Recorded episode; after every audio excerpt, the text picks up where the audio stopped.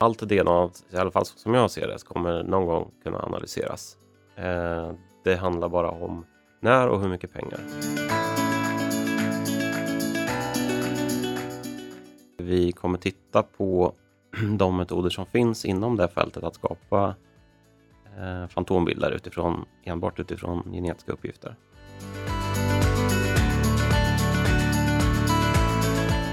Eh, men då ska man tänka på att användningsområdet är också egentligen att ge polisen lite eh, information som kan driva utredningen framåt.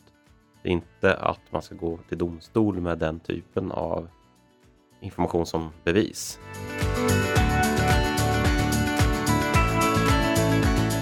Så det kommer kunna begränsa polisen eh, i sin utredning till en viss eh, urval av individer, men det kommer aldrig peka ut en enskild individ.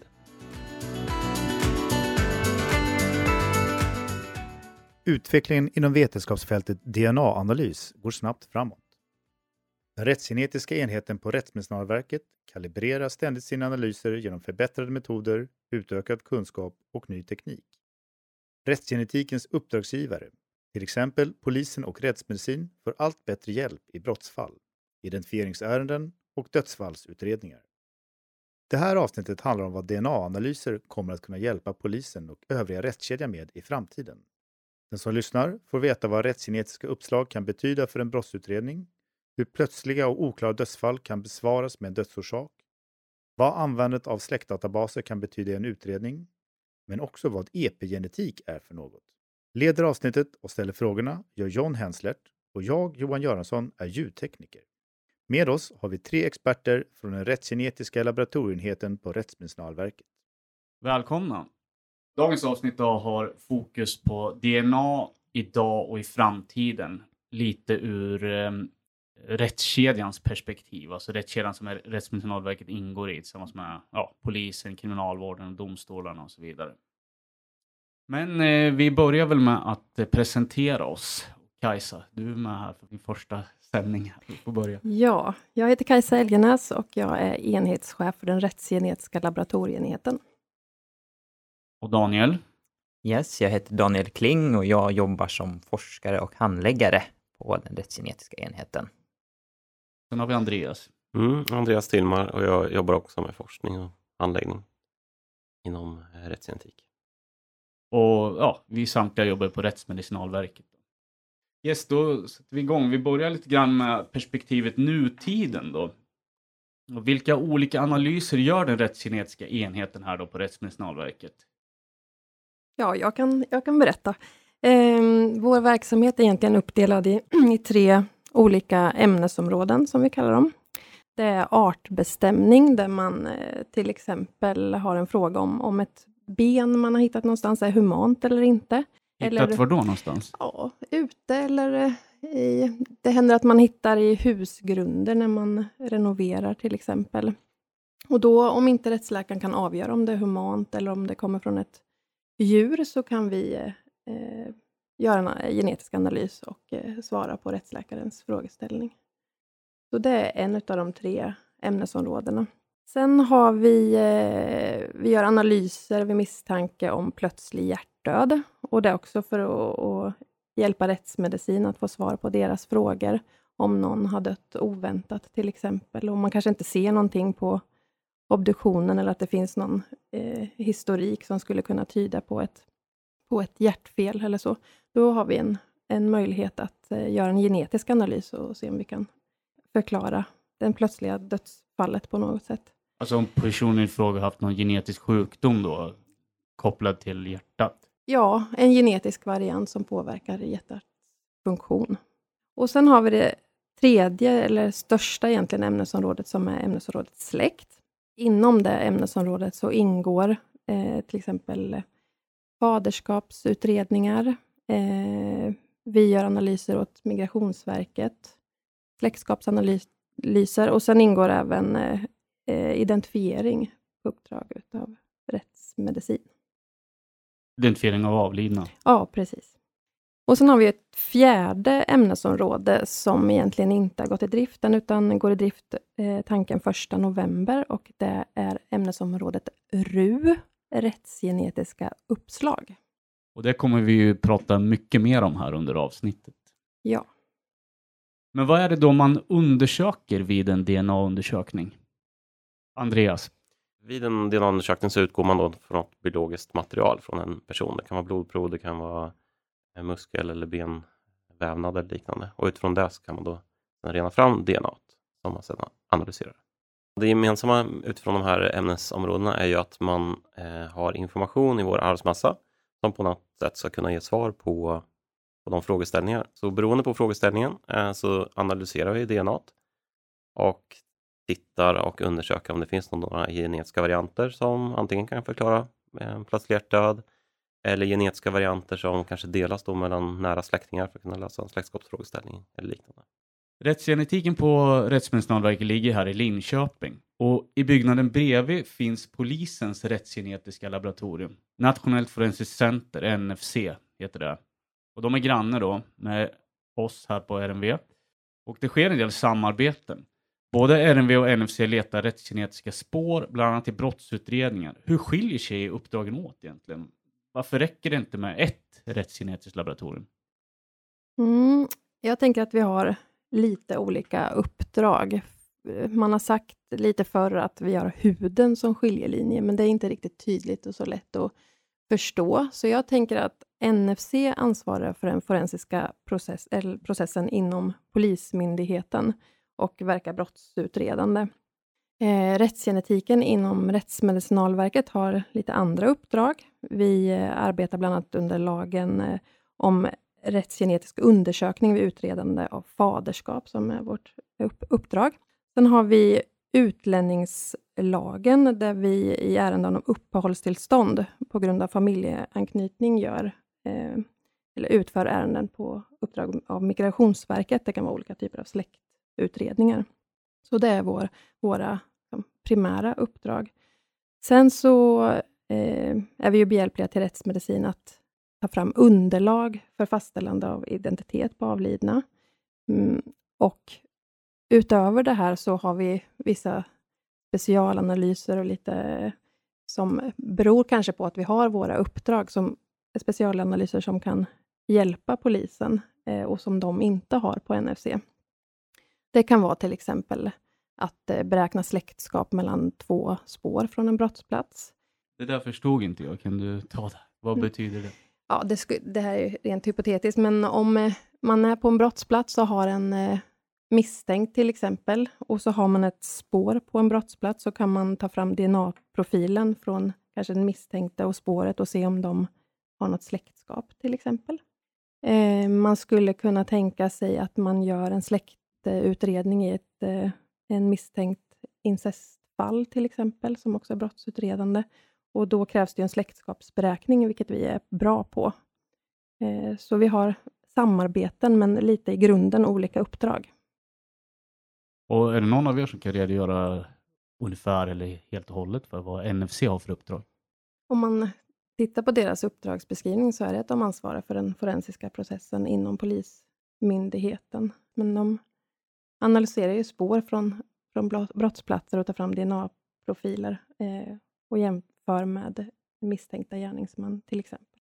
Det är det som är det där klassiska, att det är hu huden som är skiljelinjen. Ja. Alltså det som är innanför huden, in Mm. i kroppen. Det Ja. har Rättsmedicinalverket hand om. Och det som är spår på en brottsplats utanför kroppen. Mm. Det är, sådana genetiska spår, det är det Nationellt forensiskt centrum Ja, hos polisen som undersöker. Men egentligen har ju de ansvaret för hela den forensiska processen inom polisen. Så att det, jag skulle säga att det är mer att vi gör en del analyser på uppdrag som eh, underleverantörer till polisen, kan man väl säga, eller till NFC, som de inte har i sin katalog och som vi eh, på grund av våra släktskapsutredningar eh, är bra på. Okej, om vi fokuserar på rättsgenetikens uppdrag i samband med dödsfall och mordutredningar. Hur går analysen till vid sådana? Jag tänker att man kan dela upp lite det här med dödsfall och mordutredningar. Vi kommer ju inte alltid in i de här ärendena, utan under vissa förutsättningar, till exempel dödsfall där man inte har någon eh, identitet på den avlidna, så tar vi fram underlag i de ärendena. Så att man Men- kan ide- identifiera helt enkelt. Ja, precis. Men det behöver inte ha med ett, ett mord att göra, utan snarare tvärtom. När det inte finns något brott, någon brottsmisstanke så eh, ger vi underlag för eh, fastställande av identitet. Sen eh, mord, då kan ju vi komma in på lite olika sätt, tänker jag. Men i grunden kanske det handlar om någon typ av släktskapsfrågeställning eh, som vi kan vara behjälpliga med. Så att det finns tänker att NFC ansvarar för brottsutredande eh, genetiska analyser, men vi är behjälpliga som underleverantör i de, eh, med de frågeställningar som vi är specialister på. Ja, jag har ju hört er här på rättsgenetiken ofta nämna någonting som ni kallar för panelen. Hur funkar panelen? Mm. I en eh, analys så kan vi inte idag i alla fall analysera hela arvsmassan. Utan beroende på frågeställning så är det vissa regioner som är mer informativa för att kunna lösa frågeställningen. Och då laborativt så har man utvecklat eh, det vi kallar då paneler som fokuserar på specifika regioner i vår arvsmassa så att vi inte behöver få för mycket information. Så då har vi olika, vi har släktskapspaneler, alltså speciella eh, markörpaneler som bara är, eh, innehåller eh, information om eh, släktskap. Och så har vi helt andra paneler som till exempel är informativa när man ska utreda plötslig död eller liknande. Så man kan väl säga att panel är egentligen bara en, ett namn för urval av positioner i arvsmassan som kan vara informativa att analysera. Ett sätt eller ett kit av något slag. En uppsättning av Men- utvalda markörer. Ja, markörerna, vad är en markör då? Ja, I princip så är det en position i arvsmassan där det finns en gen eller en annan informativ eh, genetisk variant som man kan använda sig av för att ge svar på frågeställningen. Markör eller position. Alltså hur stor kan de här panelerna vara? Hur många markörer kan de omfatta? Ja, det beror på, helt på frågeställningen. Så till exempel om man vill veta om två personer är far, far barn, eh, ja men då kanske det räcker med ett 15-tal positioner i vår arvsmassa. Om vi tittar på sådana positioner där det finns en väldigt stor variation i, i befolkningen på de genetiska varianterna. Men om vi till exempel ska ha en släktskapsfrågeställning där personerna eh, ska testas huruvida de är kusiner eller mer avlägsna. Då behöver vi titta på många, många fler positioner eller markörer för att få upp informationsgraden. Och till exempel plötslig hjärtdöd, då på något sätt så vill man ju titta på alla gener som har någonting med hjärtat att göra. Eh, och då är det ju väldigt många positioner då som man behöver analysera. Så ju närmare släkt man är, alltså barn, förälder, det är lättare att analysera om man har ett prov från var och en, än vad det är att analysera en, två sysslingar, hur de är släkt. Precis. Så ett barn, ett barn ärver ju eh, halva sitt, sin arvsmassa eller DNA från sin mamma och den andra halvan från sin pappa. Eh, och för varje generation då så är det bara halva som förs vidare. Vilket gör att ju längre ifrån man är släkt, desto mer har DNA spets ut. Man delar inte så jättemycket även fast man är sysslingar. Så eh, behöver vi titta på fler positioner och markörer för att kunna hitta de eh, områden där man har gemensam varianter kvar. Den här delningen då, den är helt slumpmässig. Varifrån man får sin mammas och vilka man får av sin pappa. Eh, ja, i princip kan man väl säga det. Det är en process där, eh, där kromosomerna delas i mindre delar eh, av de som finns föräldrarna. Men, men det är alltså 50 procent är inte slumpmässigt utan då är det 50 procent från mamman och från 50 procent från pappan. Men vilka 50 procent är från eh, pappan är slumpmässigt utifrån hans arvsmassa. Med hur stor säkerhet eh, kan man svara ut med en sån här eh, rättsgenetisk analys? Eh, Ja, det beror ju på eh, frågeställningen och hur mycket information man har. Eh, så om vi tar en släktskapsfrågeställning eh, så ställer man oftast upp som två hypoteser. Att man utifrån DNA-profilerna som man har tagit fram så vill man se huruvida de stämmer överens med ett förälder-barn-relation jämfört med att två eh, individerna är obesläktade med varandra. Och då finns det matematiska och statistiska modeller för att värdera det här och jämföra. Och när det gäller förälder-barn så kommer man oftast upp i väldigt höga säkerheter eller sannolikheter att kunna lösa det. Men för avlägsna släktskap eh, så är det svårare om man inte har tillräckligt med DNA-information. Hur kan man ha för lite DNA-information? Man har ju ändå prov från vardera individ här då, vad jag förstår. Mm. Så för varje genetisk eh, position som man tittar på, om det är ett avlägset släktskap, så är sannolikheten att de här, även om de är släkt med varandra, att de ska dela samma variant eftersom för varje generation så späds det ut och blandas in eh, obesläktat DNA så att säga. Eh, och det här bör kompenseras med att titta på väldigt många genetiska markörer för att få komma upp i samma säkerheter. Eh, och det är oftast då för att avståndet, släktskapsavståndet mellan eh, sysslingar och obesläktade, som själva alternativet, är mycket, mycket kortare då än släktskapsavståndet mellan eh, förälderbarn och obesläktade. Spelar det någon roll vilken kvalitet själva det här biologiska provet har? Ja, det spelar, spelar roll. Eh, lite beroende också kanske på frågeställning och hur mycket man behöver. Eh, ett gammalt eh, DNA kan ju vara nedbrutet eh, och exponerats för miljö och solstrålar och eh, diverse DNA-nedbrytande eh, ja, miljöfaktorer kanske man kan säga. Och Då kan det vara svårt att, analysera de här och få tillräckligt mycket information och tillräckligt många markörer att eh, basera sin beräkning sen på. Ehm, men eh, de prover vi tar in kanske i faderskapsundersökningar som är sådana eh, munskrapsprover på filterpapper innehåller ofta väldigt mycket DNA och relativt färskt. Så där, där har vi en väldigt hög success rate.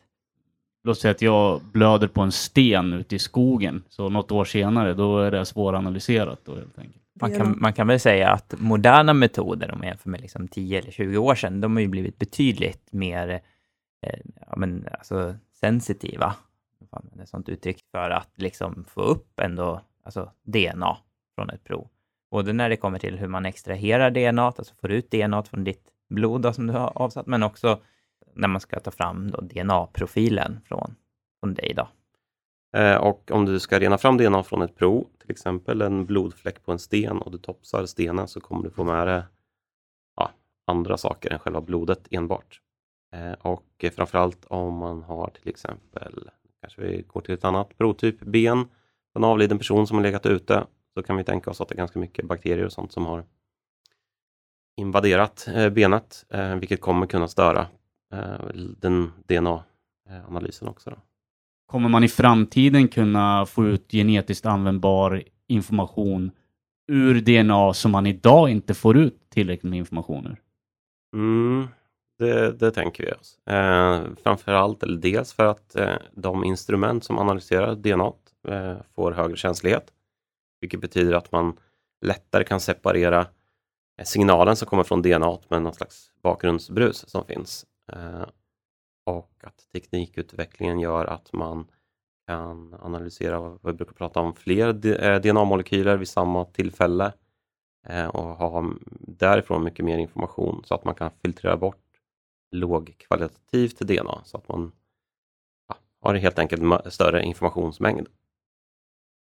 Alltså i princip pussla ihop från olika celler? Precis. Så att man får en, ett mera fullständigt DNA? Är det mm. så du menar? Eh, instrumenten som kommer, eller som finns och kommer komma, de kan titta på många, många, många fler DNA-molekyler vid samma tillfälle. Vilket gör att om du tittar på fler så kommer eller sannolikheten att hitta några som är bra att öka. Bara för att du tittar på fler. Och, och priserna på de här instrumenten och analyserna går ner också, vilket gör att det i framtiden kommer vara görbart att få ut mycket, mycket mer information än vad vi kan idag. Även om det kanske tekniskt är möjligt idag så är det inte ekonomiskt försvarsbart. Så vad ligger då närmast att utvecklas och förbättras eh, inom det här fältet då? Med, med tanke på det som vi arbetar med här på Rättsmedicinalverket. Ja, vi nämnde ju det lite i inledningen, att vi har ett nytt ämnesområde som vi tänker ska gå i drift 1 november, så det är väl det som ligger absolut närmast. Det var de här rättsgenetiska uppslagen och det är lite av ett samlingsnamn för olika specialanalyser, kan man väl säga, som syftet är att ta fram ett uppslag för till exempel, mm, ja, om man har en avliden person som man inte har någon eh, aning om vem det kan vara, så kan det vara en liten ledtråd. Det skulle kunna svara på frågor till exempel om ögonfärg, hårfärg, biogeografiskt eh, ursprung. Så att det blir Vad är som det? Biogeografiskt ursprung? Ett biogeografiskt ursprung skulle jag säga att det är där man härrör ifrån rent genetiskt. Det är inte vart man har vuxit upp eller eh, vart man har bott någonstans, utan eh, var man härstammar ifrån. Eh, till exempel vilken kontinent man har sitt ursprung ifrån. Men eh, om vi tar eh, jämfört med Sverige här, vi- vi har ju massa svenskar som en gång i tiden utvandrade till USA till exempel. Eh, och många bor i Minnesota-trakten och i norra USA. Har de samma biogeografiska ursprung som vi som sitter här? Ja, det skulle jag säga. De har.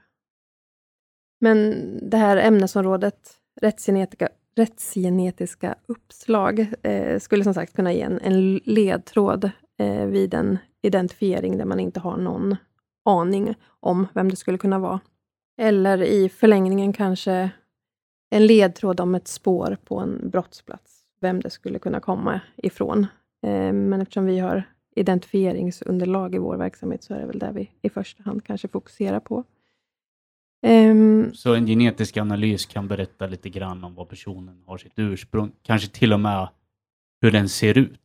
mm, eh, det vi tänker oss först är ju mer ett verbalt utlåtande, att det är en viss sannolikhet att den här personen har blå ögon eller bruna ögon till exempel.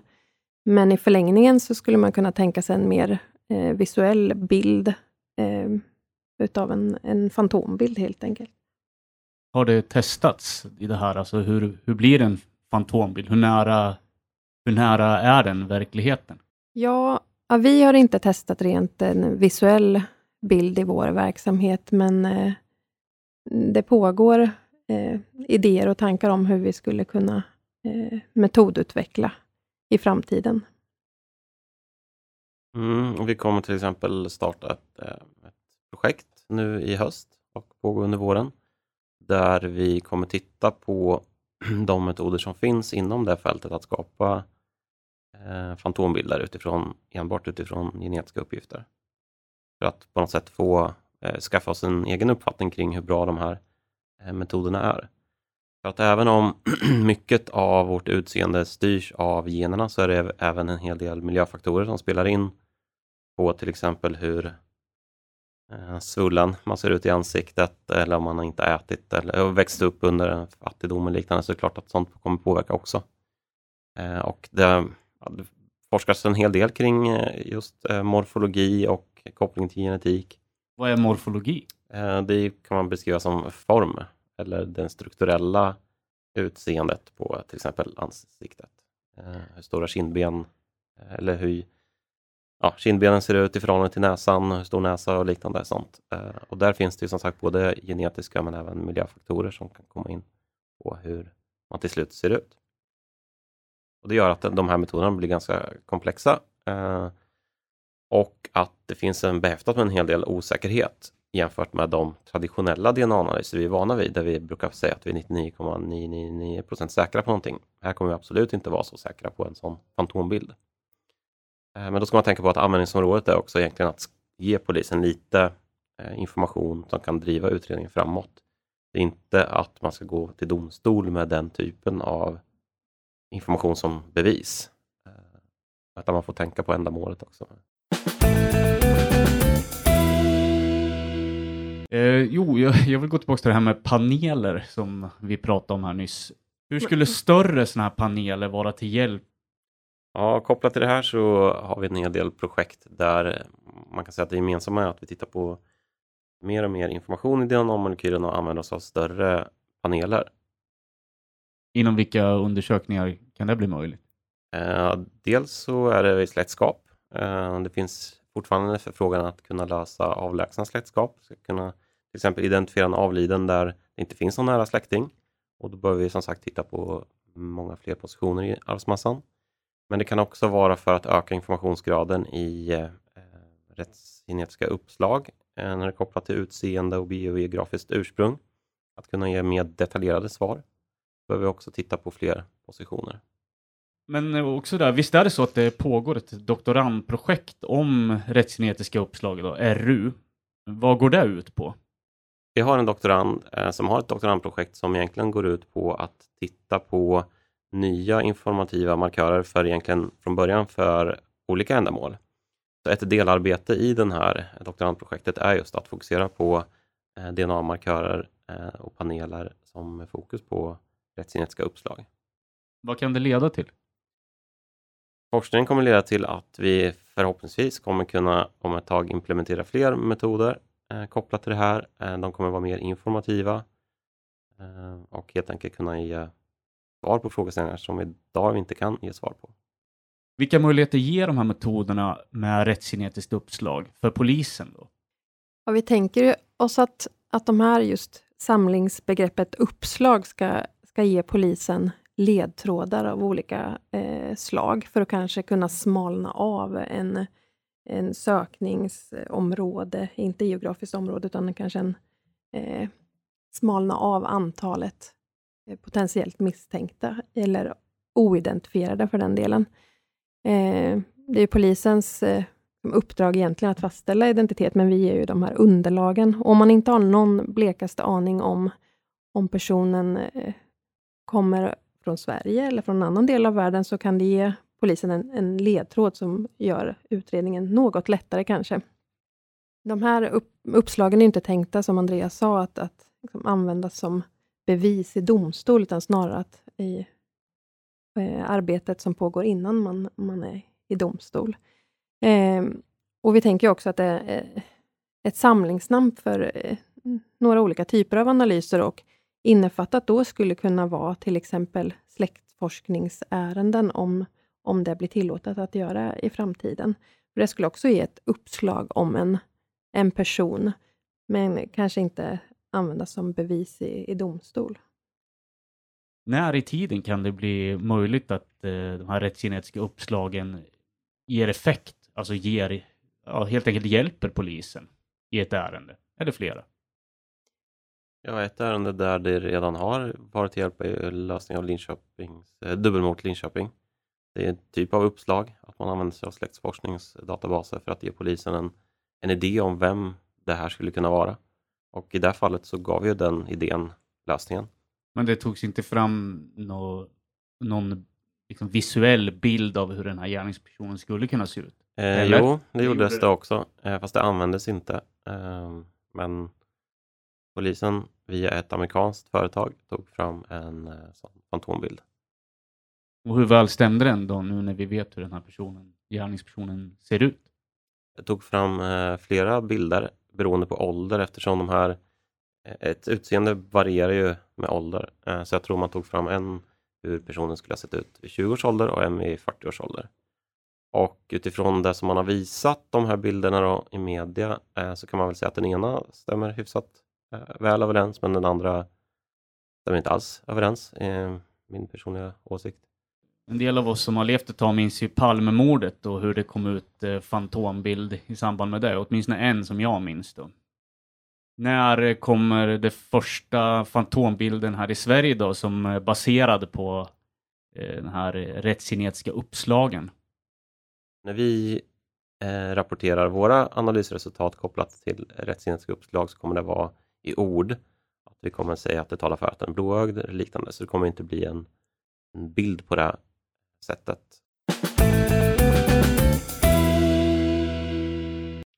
Nu för tiden kan ja, vem som helst som släktforskare använda sig av olika släktdatabaser som innehåller genetisk information om, om personer som både lever och antagligen som är döda också. Då. Skulle användandet av databaser kunna vara till hjälp? Eller jag vet att det är så. Kan ni berätta mer om det? Linköpingsmordet till exempel, eh, dubbelmordet i Linköping, löstes ju med hjälp av släktdatabaser. Mm. Eh, så om man kollar lite mer tekniskt på det här, så om vi pratar om rättsgenetiska uppslag med utseende eh, så är det ganska många som är blåögda och blont hår och kommer från Europa. Så det kommer kunna begränsa polisen eh, i sin utredning till en viss Eh, urval av individer, men det kommer aldrig peka ut en enskild individ. Däremot, eh, om vi tittar på släktingar, eh, så har vi nästan varje individ har en unik uppsättning av alla släkt, släktingar som man har. Vilket gör att genom att använda släktingar som ett sätt att hitta den här okända individen eh, gör, ger möjligheten att kunna pinpointa ut en enskild individ om möjligheterna är de rätta. Vilket gör att, att användningen kopplat till släktforskningsdatabaser har en potentiellt en mycket högre kraft. Då. Det här Golden State Killer i USA, visst är det ett eh, tydligt fall av användandet av släktdatabas för att få, fan, få fast på en gärningsperson? Precis, det, det blev ju det som i alla fall utåt sett och medialt är det första fallet som man löste genom att gå via släktingar som, eller i alla fall släktforskningsdatabaser för att hitta en okänd individ.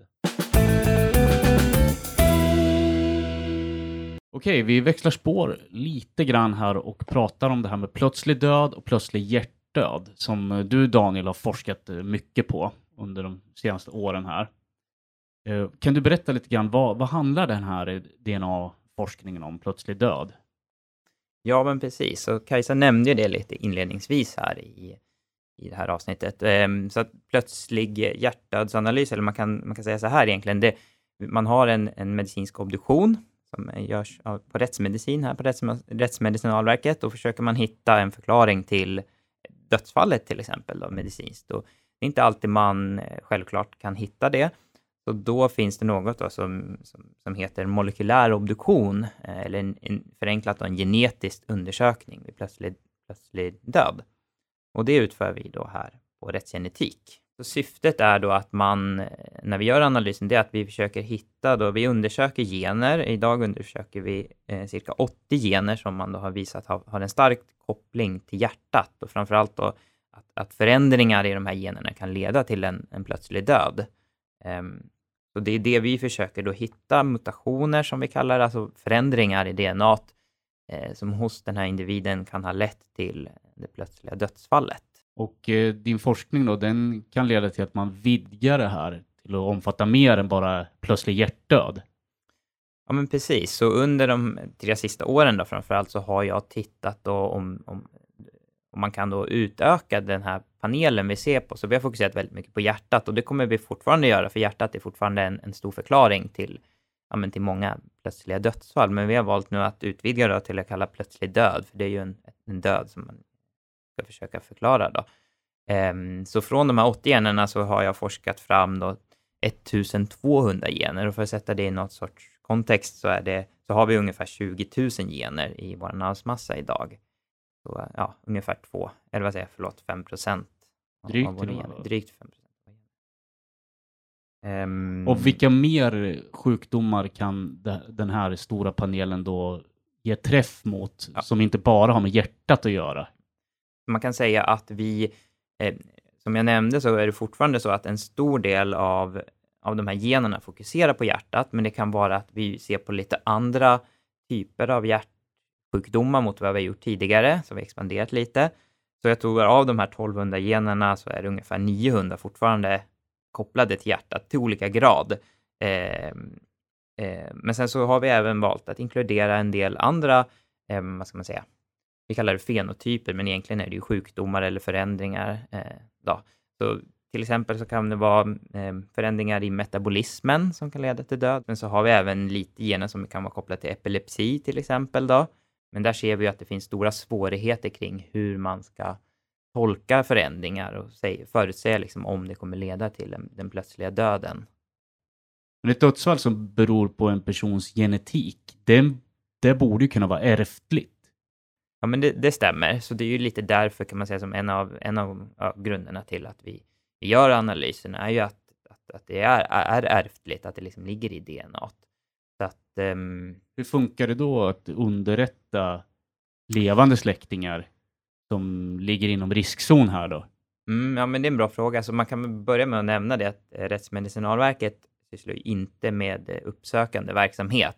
Vi tar inte direkt kontakt med släktingar, utan, eller anhöriga då, utan det är på begäran, alltså att de hör av sig och vill veta, på informationen, så kan de få ut då den här rapporten eh, som vi skriver och då kan de också remitteras till det som kallas klinisk genetik, eh, som är liksom den, man kan säga att de gör motsvarande undersökningar fast på levande personer. Och där kan de då få hjälp med att utreda om även de eh, bär på, som man kallar det, som de har den här genetiska förändringen och då finns det ju liksom olika hjälp. Man kan till exempel få pacemaker då, om det är något på hjärtat för att ja, slippa eh, helt Att det enkelt stannar. Slippa att. Mm. Mm, precis. Okej, vi kommer in på ett begrepp som kallas, eller heter, epigenetik. Eh, vilket, vilket är syftet här och vilka möjligheter har epigenetiken?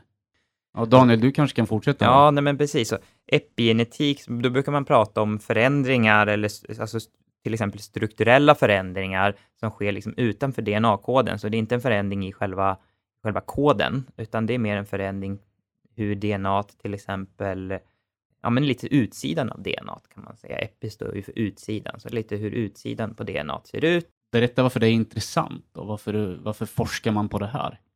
Ja, man kan säga så att epigenetik ett område som rör på när, som talar om när en viss gen ska vara påslagen eller avslagen. Så att eh, om vi tittar på en människa under uppväxten så är det vissa saker som händer i puberteten. Men själva koden har vi haft ända sedan vi föddes. Men då är det här epigenetiken som på något sätt styr när vissa gener ska uttryckas eller alltså komma i funktion och när de ska vara helt avslagna. Och det här kan man ju använda eller hitta flera användningsområden, till exempel eller i ålder en sån sak. Att om vi har vissa gener som slås på när vi blir i puberteten så kan man ju titta på de generna eh, ur ett epigenetiskt hänseende för att se om de är påslagna eller inte. Det finns andra gener som slås på ännu längre senare med till exempel att vi blir gråhåriga och liknande. Eh, det är andra saker som händer också när vi blir gamla eh, som också kan titta på och korrelera till ålder. Det här skvallrar bara om en persons ålder som är upp, uppnådd vid något tillfälle. Nej, inte bara, utan det, det, det här epigenetik kan man säga kan styr när en, en specifik gen ska vara påslagen eller användas eller inte. Vissa gener är ju alltid påslagna, eh, men vissa gener är korrelerade till ålder. Andra gener kan vara korrelerade till sjukdomar eh, och miljöfaktorer eh, som man också kan studera utifrån ett medici- medicinskt perspektiv. Men hur skulle epigenetik kunna påverka den verksamhet vi har här på Rättsmedicinalverket? Ja, kopplat till uppslag så finns det ju teoretiskt i alla fall väldigt många, många saker. För här på något sätt kan vi koppla in lite det här med miljöfaktorer som vi pratar om. Ja, andra saker som förutom då hur gammal man är eh, och där man kan använda epigenetiken är ju till exempel alltså att ja, någon har rökt under livstiden, om man har druckit alkohol, om man har utnyttjat eh, läkemedel Eh, som också påverkar epigenetiken. Eh, man kan utifrån epigenetiken kolla på eh, och korrelera till kroppsstorlek, där vi pratar om födointag och liknande. Även hur aktiv man är. Om man springer väldigt mycket och sådär, så ger det också en inverkan på, på epigenetiken. Så att man på något sätt kan i en längre framtid få uppslag utifrån att titta på epigenetiken och berätta, eller som ska kunna berätta hur en person har levt till exempel. Så det är både ålder och miljö och eh, ja, men miljö också hur personen själv har påverkat miljön den lever i. Precis. Ja, men kan väl också flika in det att man, att två tvillingar eh, kan liksom ha, de kan ha, alltså enäggstvillingar kan ha identiskt DNA i princip då, men att de epigenetiskt kan se helt olika ut och beroende på om de har växt upp på olika platser till exempel, eller en har rökt och en har inte rökt då. En annan eh, sak är också vävnad, att man kan korrelera epigenetiken till vilken typ av vävnad till exempel ett prov kommer ifrån. Så att epigenetiken i våra hudceller är helt eh, skilt från epigenetiken i våra kanske eh, lungceller eller blodceller. För att där är ju andra gener som är påslagna eller avslagna. Man använder också epigenetik för att utifrån ett okänt prov kunna säga vilken form av vävnad provet eh, kommer ifrån, om man det är fåtal celler. Va- varför skulle det vara bra att veta? Eh, det kan vara i brottsfall. Eh, om man kör en vanlig DNA-profil kan man säga att den här individen har lämnat sitt spår. Men man kan inte koppla det till aktiviteten, till exempel om det är misstänkt våldtäkt. Då behöver man kanske verifiera vad det är för typ av celler man har hittat där. Om det är spermier eller om det är saliv eller om det är blod. Och Det kan vara andra typer av brott också där man på, behöver information om själva aktiviteten. Och Då behöver man kunna bestämma vilken typ av cell som man har hittat där, inte bara att det är en viss individ. Och Då kan man använda epigenetik som ett sätt att att eh, korrelera till vilken celltyp eh, det handlar om.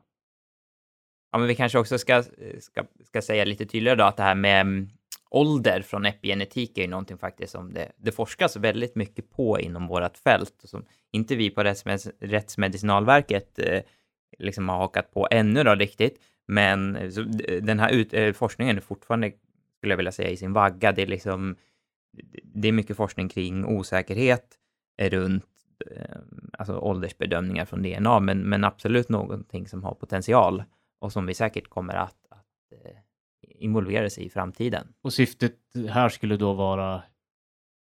Men syftet är ju att man utifrån ett DNA-prov från en individ kan bestämma alltså åldern på personen. Alltså göra mer ko en korrekt eh, medicinsk åldersbedömning då? Eller Den- den en blir ju- DNA-baserad åldersbedömning? Ja, en DNA-baserad, så den blir ju objektiv.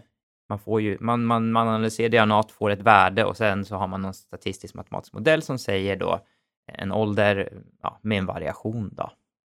När kan epigenetik eh, komma att användas i våra analyser som vi gör här på Rättsmedicinalverket? Ja, om vi tänker på, på ålder så forskas det ju en hel del som Daniel eh, sa, men osäkerheten i eh, ja, det man får ut av analysen är ju ganska stor än så länge. Så att eh, jag tror att eh, inte inom de närmsta åren att vi kommer nyttja det inom RMV. Sen de andra delarna, just eh, analyser för att ta reda på varifrån på kroppen en, en vävnad kommer, ett spår till exempel, så pågår det också eh, forskning och metodutveckling, men det är mer inom polisens område än vårt område. Vilka möjligheter och vilka svar kan DNA-forskning ge de närmsta tio åren, säger vi?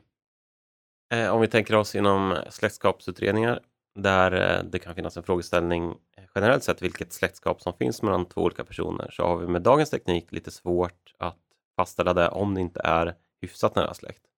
I framtiden så kommer vi, när vi kanske kan analysera hela arvsmassan via en analys väldigt billigt, Alla Så- 20 000 markör, alla 20 000 gener. nej, eh, alla tre miljarder DNA-positioner, då kommer vi kunna fastställa vilket släktskap som finns mellan alla individer eh, så tillvida att de inte är släkt på ett så att säga, bakomliggande släktskap som mm, släktskap med som vem som helst har i en befolkning.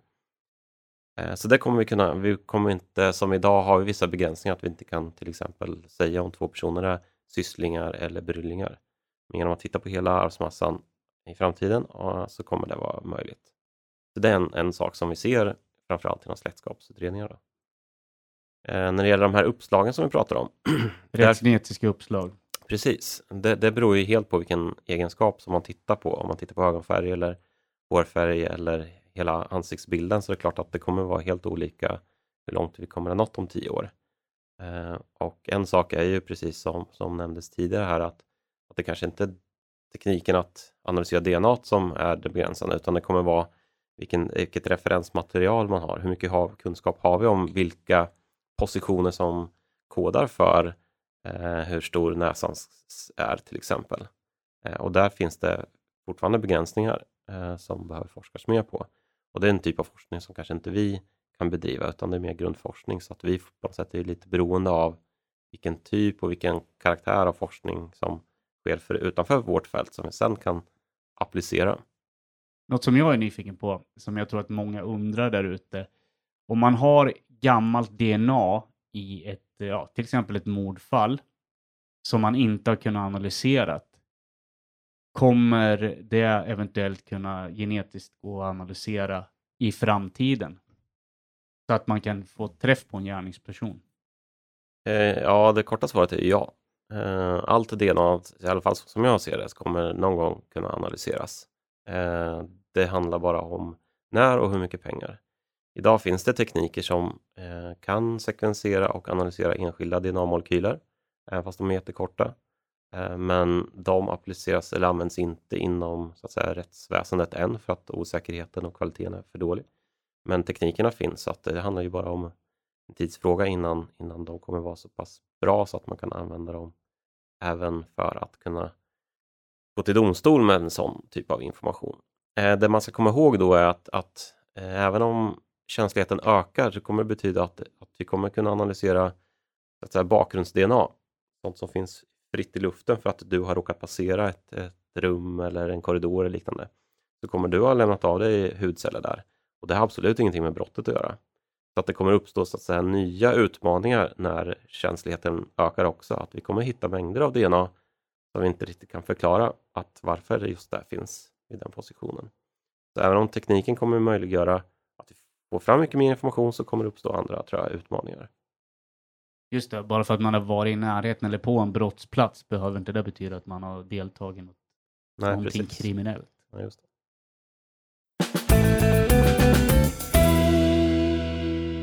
Okej, då tänkte jag att vi skulle försöka sammanfatta vad vi har pratat om under avsnittet här. Och då undrar jag, vilka områden inom rättsgenetiken hanterar vi här på Rättsmedicinalverket idag? Vi arbetar inom tre ämnesområden och det är artbestämning, eh, analys vid misstanke om plötslig död och släktskap. Och inom kort även rättsgenetiska uppslag. Ja, men precis. Vad är det då närmast som ligger i pipen och utvecklas här då för den rättsgenetiska enheten? Precis, det vi går igång med eh, väldigt snart är det vi kallar rättsgenetiska uppslag där vi fokuserar på att predicera ögonfärg, hårfärg och biogeografiskt ursprung från en okänd individ utifrån en DNA-analys. Och vilka svar ska det här ge då? För det är ju främst för att hjälpa polisen. Ja, primärt är tanken att ge polisen information i utredningar till exempel där man har en avliden eh, person men man har ingen aning om vem den här personen är. Och för att kunna kanske begränsa eller eh, snäva in eh, polisens utredning så kan information om utseende och varifrån i världen man härstammar ge polisen hjälp framåt i utredningen. Och även om man har hittat DNA som man misstänker en gärningsperson på en brottsplats då? Så Precis, kunna- samma metodik kan användas för att eh, spåra okända gärningsmän. Vilka möjligheter kommer finnas när det gäller att fastställa genetiska orsaker till plötslig död? Daniel, här är du expert. Ja, precis. Eh, jo, men vi har ju pratat om det avsnittet. Alltså, det, det, alltså framtiden så kommer vi ju kunna erbjuda, vi kommer undersöka fler gener eh, och förhoppningsvis då också kunna, kunna lösa fler, alltså hitta fler förändringar i DNA som, som kan förklara dödsfallet. Och sen har vi epigenetik som vi pratade om också. Vad, vad kan det komma att betyda för rättskedjan? Och där har vi ju varit inne då på, på ålders, alltså åldersbedömningar som, som är något som ändå eh, må- många labb forskar på idag i, inom vårt fält och som, som är en möjlighet, men, men kanske ligger ett par år bort. Ja, i ett vidare begrepp så kan man ju tänka sig att epigenetiken, där kan man också få eh, information om hur eh, en person har levt under sitt liv. Om den har rökt, eh, alkoholvanor, tränat mycket eller liknande. Det kan man ge, se spår av i epigenetiken. Så det kan man också kunna tänka sig ett vidare perspektiv kunna vara användbart för polisen i fall där man har okända, DNA från okända gärningsmän eller liknande för att kunna få eh, mer information till sin utredning. Vilka svar kan utökade DNA-analyser, alltså utökade paneler där man undersöker mer av DNA, vad kan det ge i framtiden? Alltså man kan väl säga gemensamt för alla våra metoder och analys vi gör är ju att ju fler eh, områden man undersöker, desto säkrare svar kan vi ge. Men framförallt kanske också att vi kommer kunna lösa fler ärenden. Vi kommer kunna säga i fler släkts, släktskapsärenden, säga om två personer är bryllingar eller sysslingar till exempel, om man jämför med dagens metod.